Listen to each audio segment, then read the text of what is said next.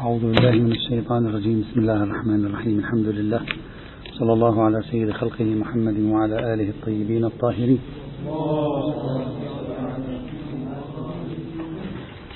وصلنا في تسلسل التاريخ لنظرية المقاصد وتطورها عبر التاريخ إلى الغزالي أبي حامد الغزالي.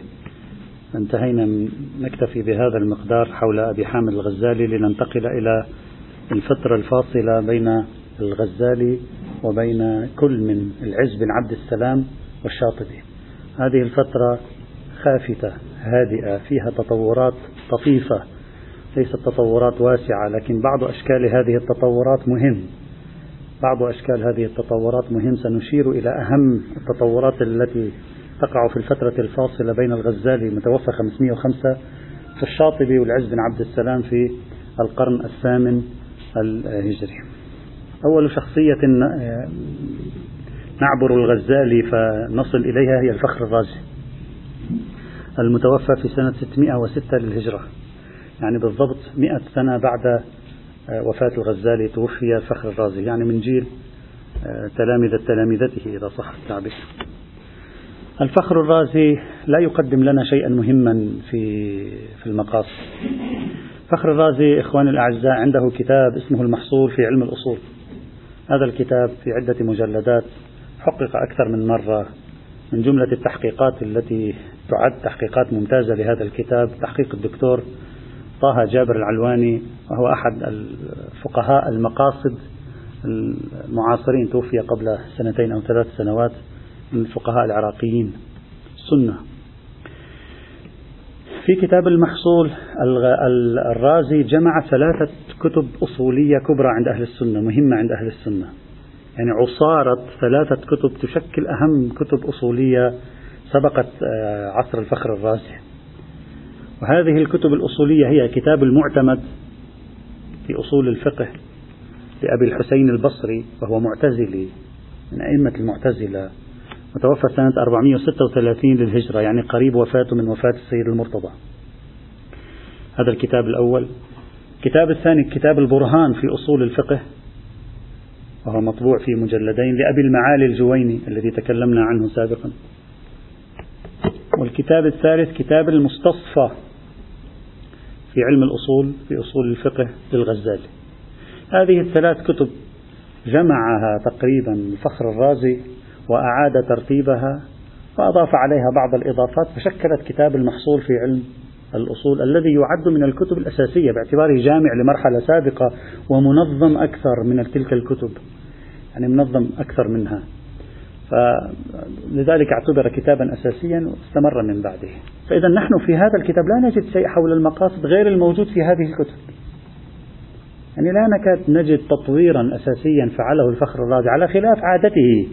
فخر الرازي عادة عندما يخوض في موضوع عادة يقدم فيه شيئا جديدا. يقدم فيه شيئا متميزا خاصة إذا موضوع حساس. لكن أيضا هنا الفخر الرازي لم يفعل شيئا في في موضوع المقاصد لم يضف شيئا مهما. الشيء الذي أريد أن أضيء عليه في مساهمة الفخر الرازي في موضوع المقاصد أنه عندما وصل البحث في موضوع العلل علل القياس إلى بحث المناسب التعليل بالمناسبة الذي تكلمنا عنه الأسبوع الماضي قسم الفخر الرازي المناسب إلى قسمين إلى مناسب حقيقي وإلى مناسب إقناعي. هذا التقسيم فيما بعد إلى يومك هذا هذا التقسيم موجود. المناسب الحقيقي هو الوصف الحقيقي الذي له صلة بالمصالح والمفاسد التي تقف الأحكام خلفها. والمناسب الإقناعي هو مناسب وهمي. نتوهم أنه مناسب بعد البحث والتأمل ينكشف أنه لا لم يكن مناسبا لم يكن وصفا يمكن أن يكون مرتبطا بالمصالح والمفاسد التي تقوم عليها الأحكام الشرعية. ثم قسم أيضا المناسب الحقيقي إلى دنيوي وأخروي. هذا من التوسعات. قسمها إلى دنيوي وإلى أخروي. يعني الصفة التي تحقق مصالح هذه الصفة تارة تكون مرتبطة بتحقيق مصالح دنيوية وأخرى تكون مرتبطة بتحقيق مصالح أخروية. أيضا هذا التقسيم تقسيم المناسب الحقيقي إلى دنيا وأخروي استمر بعده إلى يومك هذا. ما زال هذا التقسيم سائدا ثم يقسم المناسب الحقيقي الدنيوي إلى ثلاثة أقسام الضروريات والحاجيات والتحسينيات. يعني بهذه الطريقة صار تقسيم المقاصد ضمن هذا ضمن هذه الخارطة عند الفخر الرازي. ثم في الضروريات يتكلم عن المقاصد الخمسة التي أخذها من من؟ أخذها من الغزالي ولم يأتي بشيء جديد. ورتبها على الشكل التالي. هكذا قال حفظ النفس المال النسب. لا يستخدم الفخر الرازي تعبير النسل. حفظ النسل. كثير من الأصوليين والمقاصدين السنة يستخدمون حفظ النسل. اللي نحن نعبر عنه الآن بحفظ النوع الإنساني بقاء النوع الإنساني. ويستخدم حفظ النسب. وكذا ثم الدين ثم العقل. الآن نحن لا نعرف هل أن الفخر الرازي لما ذكرها بهذا الشكل قصد أنها مرتبة بهذا الشكل من حيث الأهمية أو لا؟ لا نعرف. لأن إلى زمن الفخر الرازي لا يوجد أحد تكلم عن مستويات أهمية هذه الخمسة. بعد قليل سنرى أن الآمدي أول شخص بدأ يتكلم عن رتب هذه الخمسة. فلا نعرف هل الفخر الرازي والغزالي قصدوا الترتيب أو لا. هم كانوا يريدون يذكروا الضروريات الخمس ذكروها بهذه الطريقة. يعني على كلام الفخر الرازي الدين هو الرابع. الدين سيكون رابع الضروريات الخمس. يعني النفس والمال والنسب أهم من الدين. من حيث فقه الأولويات هذا الآن سنرى بعد قليل كيف أن موضوع رتب المقاصد له دور كبير في فقه الأولويات عند المقاصديين. على أي حال. الفخر الرازي يضيف فكرة نحن ألمحنا سابقا ونحن نناقش الغزالي ألمحنا سابقا إليها. نحن هناك ذكرناها كإشكال هو يذكرها كتقرير. يقول بعض المصادق واضح أنها من الضروريات بعض المصادق واضح أنها من الحاجيات بعض المصادق واضح أنها من التحسينيات لكن بعضها ليس بواضح. مظنون لا نستطيع أن نتأكد. وبالتالي الرازي لأول مرة يعترف بأن تنزيل العناوين الثلاثة على المصادق ليس عملية واضحة دائما. أحيانا تكون واضحة أحيانا تكون غير. ومثلا عقوبة قتل القاتل. واضح أن الهدف منا حفظ النفس الإنسانية. لكن تفصيل آخر فقهي ممكن ما يكون واضح. هل هو حفظ النفس؟ هل هو حفظ الدين؟ هل هو ضروري؟ هل هو حاجي؟ هل هو تحسيني؟ لا ندري. فيعترف الفخر الرازي اعترافا قانونيا يعني على شكل قانون. يقول بعضه واضح أنه يندرج ضمن الضروريات. أو ضمن الحاجيات أو بعضه لا نعرف. ما أمر ظني. وكل واحد على ظنه. وهذه نقطة مهمة هنا. هذا هو كل ما عند الفخر الرازي. لا أريد أن أقف عنده. وليس عنده شيء. فقط هذه بعض التشقيقات التي قد تكون فيها شيء من التجديد لا أكثر ولا أقل. الفخر الرازي ليس شخصية مهمة في نظرية المقاصد. أبدا. لذلك أنت لا تروح إلى الفخر الرازي لتعرف شيء عن المقاصد. المقاصد الفخر الرازي بالعكس تماما. ربما يصنف على أنه أنزل نظرية المقاصد هو وأمثاله يعني أماتها بعد أن أحياها الغزالي ونماها الغزالي بعد أن بذرها الجويني. هذه نقطة مهمة. لكن في سنة في مع سيف الدين الآمدي المتوفى سنة 631 يعني من جيل تلامذة الفخر الرازي نجد قفزة ليست كبيرة قفزة صغيرة ولكن مهمة. في نظرية المقاصد ونحن نسير بهذا السير التاريخي. الآمدي وكل هؤلاء إلى الآن شافعية. كلهم شافعية. يعني آه، لاحظ معي أن نظرية المقاصد إلى الآن ما زالت شافعية في العم الأغلب الذين نظروا لها وطرحوها شافعية. بعدين ستنتقل نظرية المقاصد. لما نجي عند الشاطبي وقبيل الشاطبي ومعه سنرى تحول. سوف تتلقفها المالكية وتذهب بها مكان آخر. هذه خليها في بالك الآن ما زلنا في الشافعية وما زالت نظرية المقاصد مقاصد داخل القياس حتى مع الآمدي بعد ما طلعت من القياس. بعدين ستخرج من القياس شيئا فشيئا كما سوف أشير إن شاء الله تعالى. الآمدي في ثنايا مباحث القياس في ثنايا مسالك التعليل أيضا يطرح فصلا تحت عنوان معنى المقصود والمطلوب من شرع الحكم. الآمدي. نعم نعم نعم. نعم كلهم شافعية هؤلاء. الآمدي آمدي نسبة إلى آمد. آمد منطقة اسمها قديما كان آمد الآن هي في هي في ديار بكر في تركيا. الآن هي في مناطق ديار بكر في تركيا. الآمد يضع بحث يقول المقصود من شرع الحكم. ما معنى كلمة المقصود من شرع الحكم؟ يعني لماذا جعلت الأحكام؟ المقصود من وراء التشريع الشرع هنا مصدر شرع يشرع شرعا. مصدر وليس اسم مصدر. طيب. فيقول المقصود من شرع الحكم إما جلب مصلحة أو دفع مضرة أو الاثنين معا. قاعدة تبعية الأحكام المقاصد للمصالح والمفاسد لا شيء جديد. ثم يقرن هذه المصالح والمفاسد يقرنها بالعبد. يقول ليست مصالح ومفاسد بالمطلق بل هي راجعة إلى العباد. ثم يقسمها إلى دنيوي وأخروي متبعا الفخر الرازي. هذا أيضا على على الوتيرة نفسها لا يفعل شيئا جديدا. ثم يقول يقول المصلحة أو تشريع الحكم إما أن يكون مفضيا إلى تحصيل أصل المقصود ابتداء أو دواما أو تكميلا. هذه إضافة أولية. يقول تشريع الحكم إما أن يكون مفضيا إلى تحصيل أصل المقصود ابتداء أو دواما أو تكميلا. ما معنى هذه الإضافة التي يقدمها الآمدي هنا؟ معناها ابتداء يقول مثل القضاء الحكم يعني بصحة التصرف الصادر من أهله في محله. أنت لما تقول هذه معاملة صدرت من زيد وهو أهل للمعاملة وفي محلها في ماله. تصحيح هذه المعاملة الحكم بصحة هذه المعاملة هذا تحقيق أصل المقصود ابتداء. ما معنى تحقيق أصل المقصود ابتداء؟ يعني بدون هذا التصحيح لا توجد المعاملة يعني لا يحصل انتقال ملكية. فمن الأصل يكون هكذا.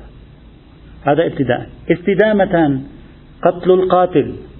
يقول قتل القاتل تحقيق المقصود استدامة لا ابتداء. ما معنى استدامة؟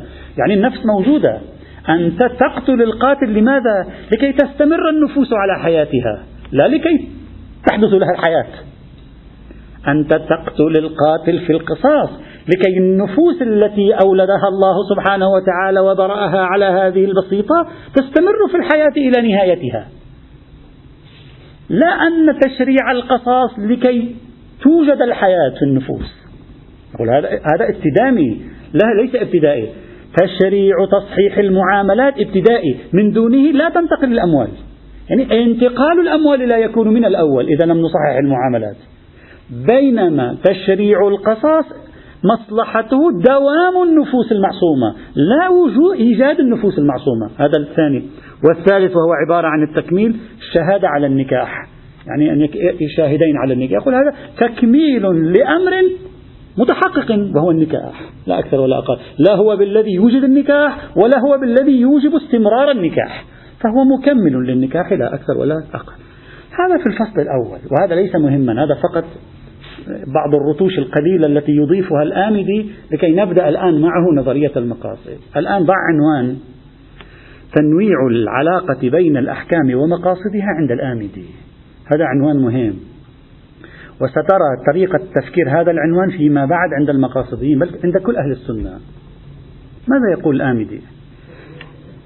تنويع العلاقة بين الأحكام ومقاصدها عند الآمدي. هذه إضافة نوعية. طبعا أنا ما ذكرت اسم كتاب الآمدي. الآمدي كتابه الإحكام في أصول الأحكام. وهذا الكتاب هذا الاسم يطلق على كتابين بنفس الاسم. واحد للآمدي اسمه الإحكام والثاني لابن حزم أيضا اسمه الإحكام. يعني كلا الكتابين بنفس الاسم. ما أدري. لماذا واحد منهما أخذ من الثاني لا أدري. على أي حال. ماذا يقول الآمدي يقول المقصود يعني الغاية المقصد في مقاصد الشريعة إما أن يكون حاصلا من تشريع الحكم يقينا أو ظنا أو يوجد تساو أو عدم الحصول هو الراجح. هذا مهم جدا هذا الموضوع لأنه يؤسس لفكرة السببية بمعنى جديد في, في, في الشريعة. يعني في فهمهم للشريعة. كل واحد منها سنعطي لها مثالا. سنذكر مثاله هو أصلا أمثلته. هو يوضح الفكرة. طيب. يقول تحصيل الحكم للمقصود. أنا في عندي حكم شرعي. إذا فعلناه سوف نحصل على مقصود. ما هو المقصود؟ أي المصلحة التي جعل الحكم لأجلها لأجل الوصول إليها. هذا التحصيل مرة يكون دائميا بحيث إذا حصل الحكم حصل المقصود. فإذا حصل تطبيق الحكم يقينا حصل المقصود. هذا معنى دائمي. يمثل له بمثال نأخذ مثاله هو حتى لا نروح إلى مثال آخر. المصلحة من وراء تشريع صحة عقود البيوع هو انتقال الملكيات بين الناس. هي مصلحة. نفس أن الملكيات تنتقل بين الناس نفسها مصلحة. تصور أنت ما في في حياة ما فيها انتقال ملكيات. تموت الحياة أصلا. الناس تقتل بعضها بعضا. فلا بد أن تنتقل الملكيات. أنا أبيعك شيء تنتقل ملكيته إليك. أنت تعطيني الثمن تنتقل ملكية الثمن لي. وهكذا الحياة كلها تدور على انتق... على نظام انتقال الملكيات. هذه اللي عبر عنها السيد الشهيد صدر شبكة الملكيات. طيب. يقول تشريع البيع أو تشريع المعاملة الغاية منه تسهيل انتقال الملكيات. وهذا يحصل دائما. يعني بمجرد ما يحصل صحة لبيع تنتقل الملكية صحيح أو لا؟ مش أنه والله بنسبة 90% من البيوع التي تتحقق تحصل فيها انتقال الملكية ما هو كل بيع يتحقق ونحكم بصحته يحصل فيه انتقال الملكية. فإذا العلاقة بين الحكم اللي هو صحة البيع وبين انتقال الملكية هي علاقة يعني المصلحة الناجمة اللي هي حركة انتقال الملكيات هي علاقة دائمية. وإذا كانت دائمية يعني يقينية. يعني أنا أقطع دائما كلما وقع بيع صحيح حصل انتقال الملكيات. نقول هذا بالتالي تصحيح بيوع مجموعة من الناس يوجب قطعا ويقينا ودائما انتقال الملكيات فيما بينهم. وهذا بديهي. هذا بديهي. هذه الحالة الأولى. الحالة الثانية. أن تكون هناك غلبة بين الحكم وبين مقصوده. ليس دائما. يعني حتى لو فعلت أنت طبقت الحكم الشرعي مش بالضرورة يتحقق المقصود دائما. يعني دائما بنفكر أن الأحكام الشرعية إذا أنت طبقتها يتحقق الغاية من ورائها. يقول لا إذا طبقت قد ما تتحقق الغاية.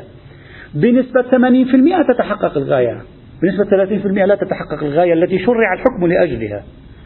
أعطينا مثال يعطي مثال. يقول القصاص. الآن إذا شرع مشرع القصاص وجينا نحن وبدأنا بإجراء أحكام العقوبات الجنائية القصاص وأمثاله. في هذه الحال هل يتوقف العدوان على النفس المحترمة؟ هل النفوس تصبح معصومة ولا أحد يعتدي عليها؟ لا ممكن نطبق نظام القصاص في في دولة ما في مجتمع ما مئة بالمئة بحذافيره ومع ذلك يبقى عدوان. على النفس المحترمة. بس نقول نظام القصاص لا يعني ذلك أن الغاية من وراء تشريع القصاص اللي هو حفظ النفوس المحترمة لا يعني أنها حفظت مئة بالمئة غالبا تحفظ.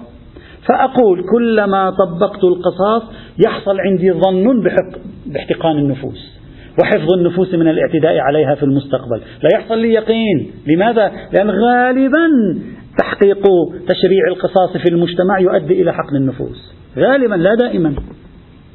فلاحظ معي جيدا أن الآمدي في القرن السابع الهجري يلتفت إلى نقطة مهمة وهي أن الشريعة عندما تشرع حكما ليس من الضروري تقول لك إذا طبقته ستنعدم جميع المفاسد على وجه الكرة الأرضية. يقول هذا تفكير مثالي. هذا تفكير غير واقعي. ما يوجد هذا في, في هذه الدنيا ما موجود. ممكن في نشأة أخرى. الله أعلم. فيقول علاقة علاقة غلبة. هذا المثال الثاني. المثال الثالث. يقول تساوي. تشريع حكم والغرض منه شيء. وإذا طبقنا هذا الحكم يحصل نصف المطلوب في الخارج. نصف الغرض يحصل. واللطيف يمثل بمثال جميل جدا. يعني هذا المثال ينفعنا في دراسة التاريخ. يقول حد شرب الخمر. يقول نحن إذا أقمنا الحد على شاربي الخمر هل سينعدم شرب الخمر في العالم؟ لا. هل سيصبح قليلا؟ لا. هو يقول لا. يقول متساوي. يعني هذا في زمانهم كان ينزل حد على شاربي الخمر يبقى نصف نصف هكذا هو يقول. يقول بإقامة حد شرب الخمر على شارب الخمر. لا ينعدم شرب الخمر من العالم بل ولا يصبح أقليا. مساوي. فالغ... يعني يعني شاربو الخمر مساوون لي يعني حالة شرب الخمر تساوي حالة عدم شربه. طبعا هذا مصداق. الآن بصرف النظر عن المناقشة في المصداق هل هذا صحيح أو لا. لكن يبدو في زمانه كانوا شاربي الخمر يبدو نشيطين إلى حد إقامة الحدود عليهم ما تؤدي حتى إلى صيرورتهم أقلية. ما زالوا مساوين لتاركي شرب الخمر. عجيب يعني. حقيقة أنا لفت نظري هذا المثال. يعني المثال يعبر عن الحالة التي في مجتمعه. يعني كأنما إقامة حد شرب الخمر على شارب الخمر ما كان يؤدي إلى قلتهم يؤدي في غايته إلى تساويهم. يعني التساوي بين شارب الخمر وعدم شارب الخمر وهذا لطيف. فإذا بعض الأحيان يقول لك فلا تتصور أنت أنه إذا والله أقمنا حد شرب الخمر وبالتالي لازم يعني ينعدم شرب الخمر المجتمع. لا ممكن ما ينعدم بل يبقى مساوي. مع ذلك المصلحة متحققة. ما هي المصلحة؟ النصف الذي حققناه. هذا تفكير واقعي ها. هذا تفكير جدا واقعي. وحياتي عملي. ليس مثالي. إذا أقمنا الحدود انعدم شرب الخمر. نحن هكذا نفكر. يعني طبيعة المتدينين هكذا يتأملون أننا إذا طبقنا الشريعة تنعدم المعاصي في الكرة الأرضية. لذلك يمكن الشيخ الأحسائي آه، قال بأن يعني ظهور الإمام المهدي ليس في هذه الدنيا نشأة ثانية. أصلا البشر يتغيرون. هذه نشأة ثانية برزخية ليس في هذه وإلا البشر هذول البشر الذين في هذه الدنيا ما راح يمشي حالهم. تلك المواصفات التي أعطيت لدولة الإمام المهدي عليه السلام ما بتمشي هنا في هذه الدنيا. هو بشر هؤلاء سيبقى يرتكبون المعاصي والمشاكل. هذا لا تحلم بالموضوع فلا بد من نشأة أخرى تنشأ فيها نفوسهم نشأة جديدة. وتحدث هناك عالم جديد بين الآخرة وبين الدنيا كما ينسب إليه والعلم عند الله. طيب. فإذا هذه مرحلة مرحلة رابعة. المرحلة الرابعة أن يكون الحكم في علاقته بالمقصود ليس فقط تساوي أقل. يقول حتى أقل أحيانا ومع ذلك الشريعة تشرع حكما هادفة من ذلك تحقيق الأقل. ويعطي مثالا لأجل ذلك. يقول طبعا هو مثال هو مشخص المثال هكذا. يقول لماذا شرع الزواج من المرأة اليائس؟ وهي لا تنجب أولاد؟ الآمدي كأنما تصور أن فكرة الزواج شرعت في الإسلام لأجل النسل لأجل حفظ مصلحة النسل. فإجا قال طيب إذا كانت تشريع الزواج لأجل مصلحة بقاء النسل وهذه المرأة اليائس لا تنجب أطفالها. مع ذلك الشريعة يشملها أدلة استحباب الزواج ومستحب الزواج من المرأة اليائس مثلا أو لا أقل مشروع يا أخي فيقول السبب في ذلك أن احتمال أن تحصل هناك حمل موجود ولكن قليل. فلأجل القليل هذا يشرع الحكم فسأترك الأمثلة. خذ أصل الفكرة. أصل الفكرة الآن صار عندنا أربع شبكة علاقات بين الأحكام وبين مقاصدها. نوع من الأحكام دائما يحقق مقصده.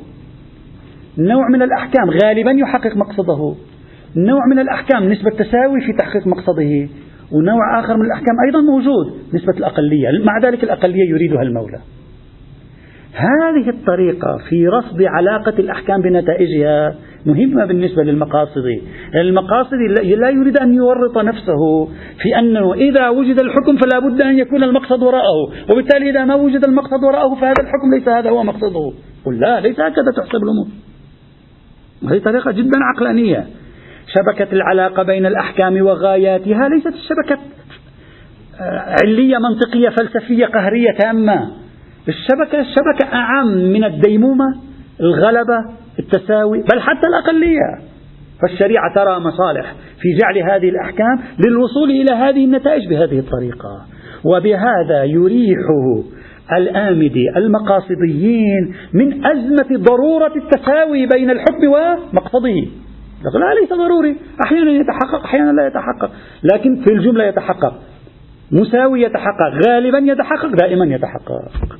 وهذه إضافة نوعية يقدمها الآمدي تخدم المقاصديين في علاقة الأحكام بمقاصدها. بالتالي هذه نقطة مهمة جدا ينتفع هو بها. بعدين سنرى كيف انتفع بفكرة من هذا القبيل. هذه الإضافة النوعية الأولى التي قدمها الآمدي. توجد إضافة نوعية ثانية أهم من الأولى وهي سأضعها تحت هذا العنوان الآمدي وتأسيس فكرة حصرية الضروريات الخمس.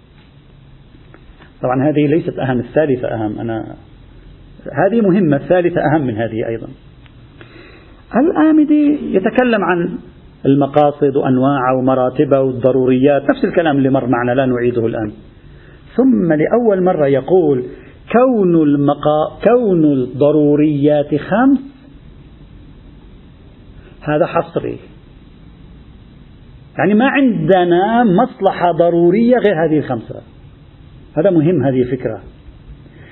لماذا؟ لأن إذا قلت الضروريات فقط خمس كأنما أنت تعلن انسداد باب التأمل في ضرور ضروري سادس. وبالتالي الآمدي إذا كان قبل بنظريته سنبقى إلى يوم الدين نفكر فقط الضروريات هي هذه الخمس. بينما إذا قلنا الضروريات التي اكتشفناها هي هذه الخمس ربما تكون هناك ضروريات أخرى. سيبقى الباب مفتوحا على الاجتهاد أن يبتكر ضروريات جديدة جاءت الشريعة لتحقيقها وتقع في رتبة الضروريات. الآمدي قال نحن نظرنا رأينا أن الضروريات ليست إلا هذه الخمس.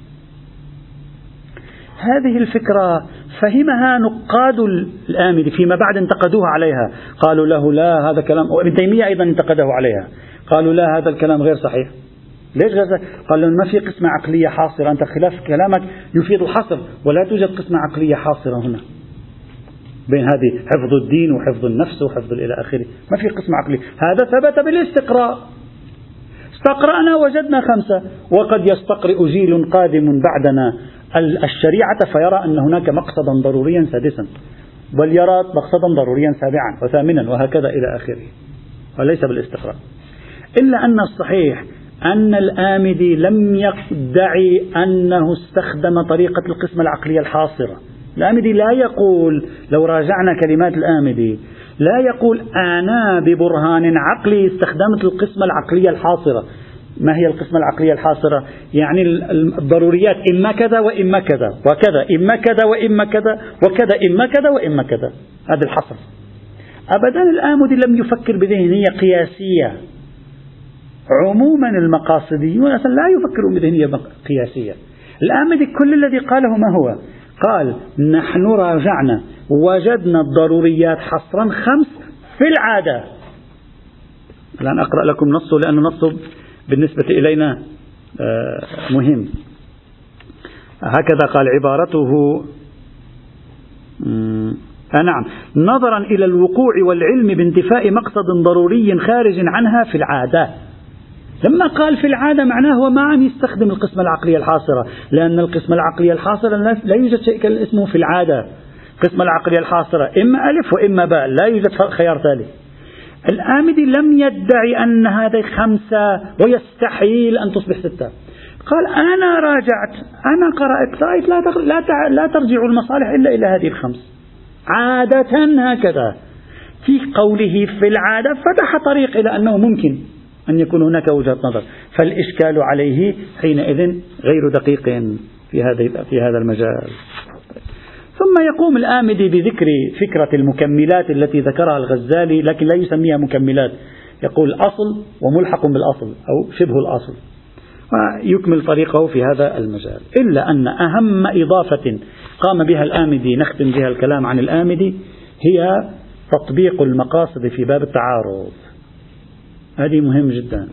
ومنذ زمن الآمدي إلى يومنا هذا أصلا الآن يوجد كتب أشرت إلى ذلك في الدروس الأولى الأولى يوجد كتب الترجيح بالمقاصد قواعد في باب التعارض تحت عنوان الترجيح بالمقاصد. ماذا يقصد الآمدي عندما بذر هذه البذرة؟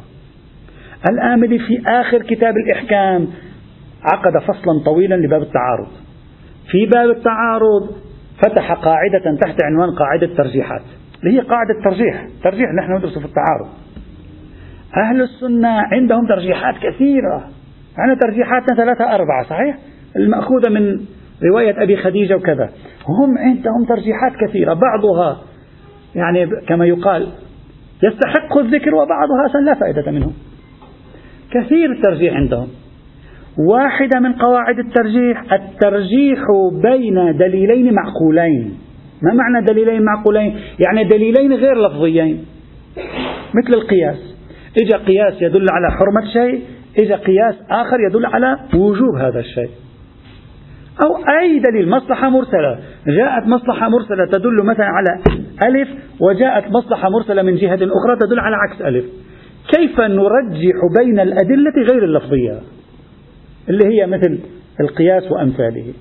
عقد الآمدي فصلا مطولا في قواعد الترجيح بين الأدلة المعقولة يعبرون عنها بالمعقول. الأدلة المعقولة مقابل الأدلة الملفوظة. وهنا أهمية ما أتى به الآمدي في هذا المجال. قال ذكر عدة صور يهمنا هو ذكر 15 صورة ما تعنينا كلها. يهمنا منها نحن أربع صور أساسية تتصل بالمقاصد. الصورة الأولى قال لو كان المقصود من إحدى العلتين تعارض قياسان كل قياس له علة. قال إحدى العلتين من تتصل بالضروريات وواحدة ثانية تتصل بالحاجيات. عندي قياسين أنا قياس. قياس يقوم على علة. إحدى القياسين أحد القياسين علته من الضروريات.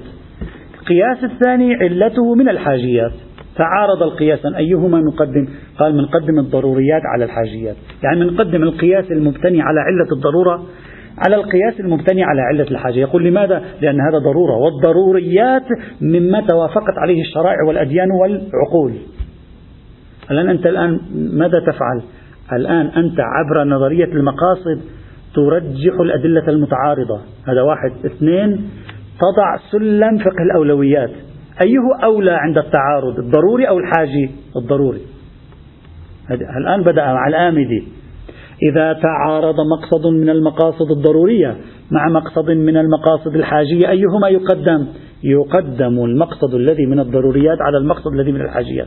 ولذلك القياس المعتمد على الضروريات عند التعارض يقدم على القياس المعتمد على الحاجيات عند التعارض. فبهذه العملية الآمدي حقق نتيجتين. جعل نظرية المقاصد واحدة من قواعد علاج التعارض بين الأدلة.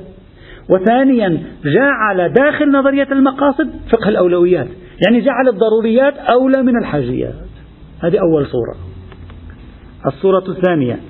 قال لو كان المقصود أو العلة في أحد القياسين من الحاجيات والعلة في القياس الثاني من التحسينيات قدمت الحاجيات على التحسينيات. لنفس السبب لأن هذه حاجة وهذه أمر مكمل زائد لا قيمة له. واضح. لنفس السبب. الصورة الثالثة لو كان المقصود في إحدى العلتين من مكملات الضروريات ومقصود الأخرى من الحاجيات. إحنا قلنا عندما تحدثنا عن الغزالي أن الغزالي جعل الضروريات والحاجيات والتحسينيات وجعل كل واحد لها ملحق. إذا الإخوة يذكرون. الآن الآمدي يقول لو كان عندي قياس علته تتصل بمكمل الضروري. وقياس آخر علته ترجع إلى حاجة. أيهما يقدم؟ يقدم القياس الذي علته في مكمل الضروري أو القياس الذي علته في الحاجي الآن لم تعد الرتب بين الضروري والحاجي الرتب الآن بين مكمل الضروري والحاجي الآمدي ماذا يقول؟ يقول نقدم القياس الذي تكون علته مرتبطة بمكمل الضروري على القياس الذي تكون علته مرتبطة بالحاجي لماذا؟ يقول لأن مكمل الضروري يأخذ حكم الضروري. وهذه إضافة على ما قاله الغزالي. الغزالي فقط قال ملحق الضروري. هنا يقول ملحق الضروري حكمه حكم الضروري.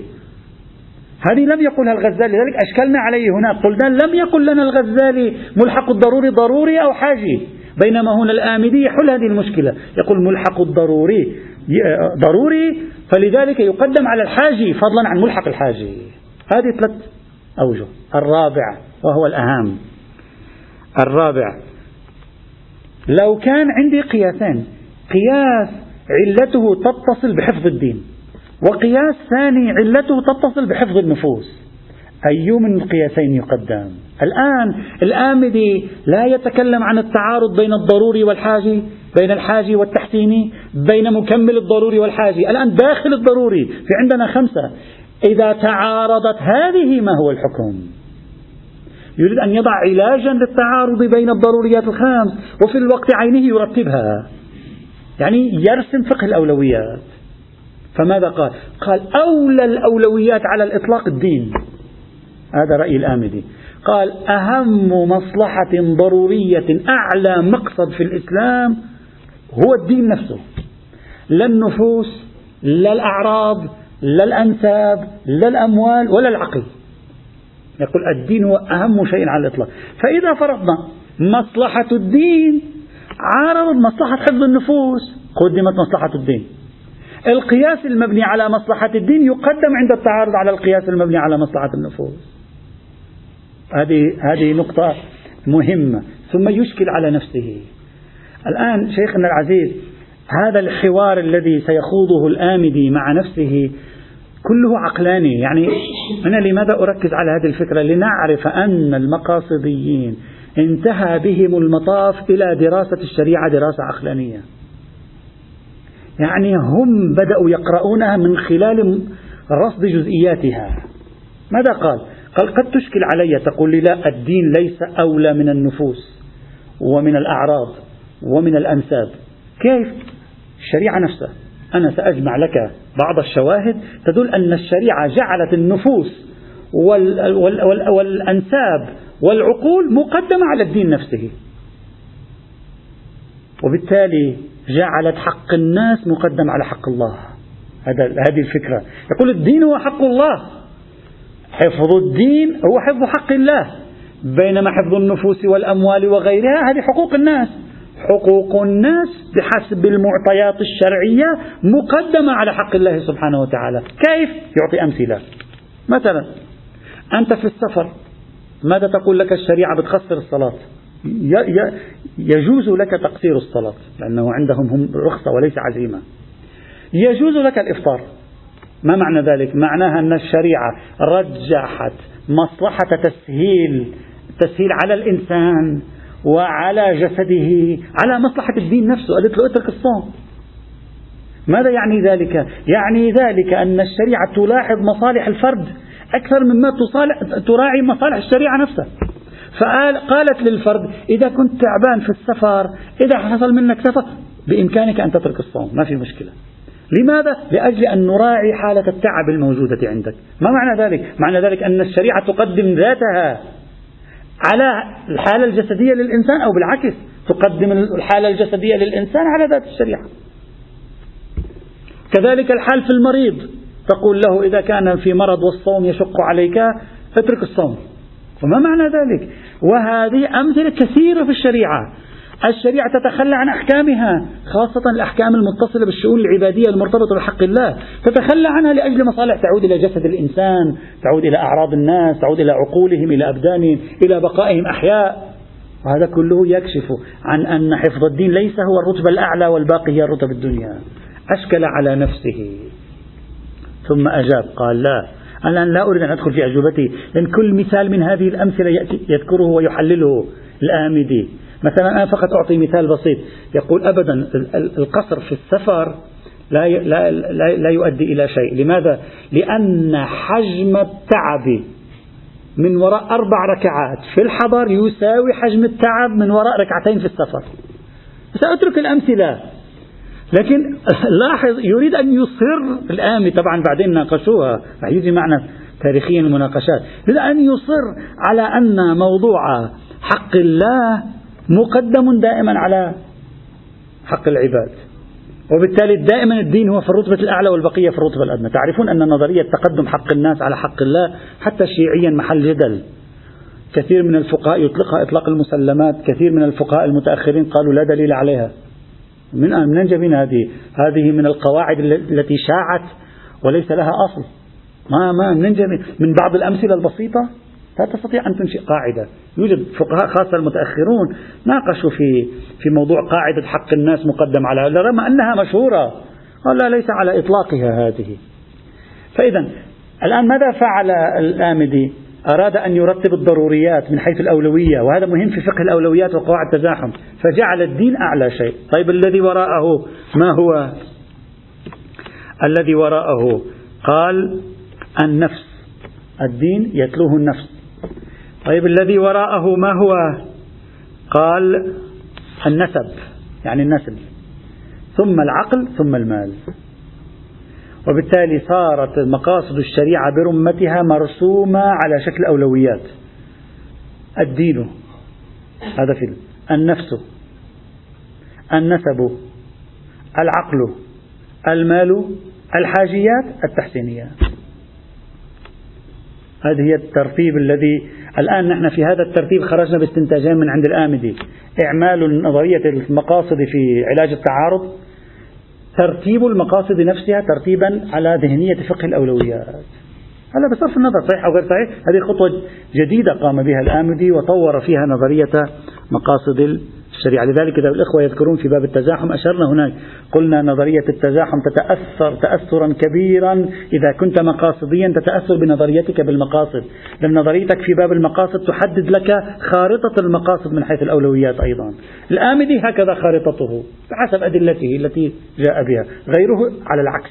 سيحيجي معنا أن غيره يناقش في ذلك مناقشات مطولة. الآن انتهينا تقريبا إلى أواسط القرن السابع الهجري. غدا إن شاء الله تعالى نتكلم في آه، يعني شخصيتين ثلاثة مختصرة إلى أن نصل إلى العز بن عبد السلام إلى القرافي وإلى الشاطبي. إن شاء الله. والحمد لله رب العالمين. ثمن الشاطئ نحن الآن 631 هذا. الشاطبي 790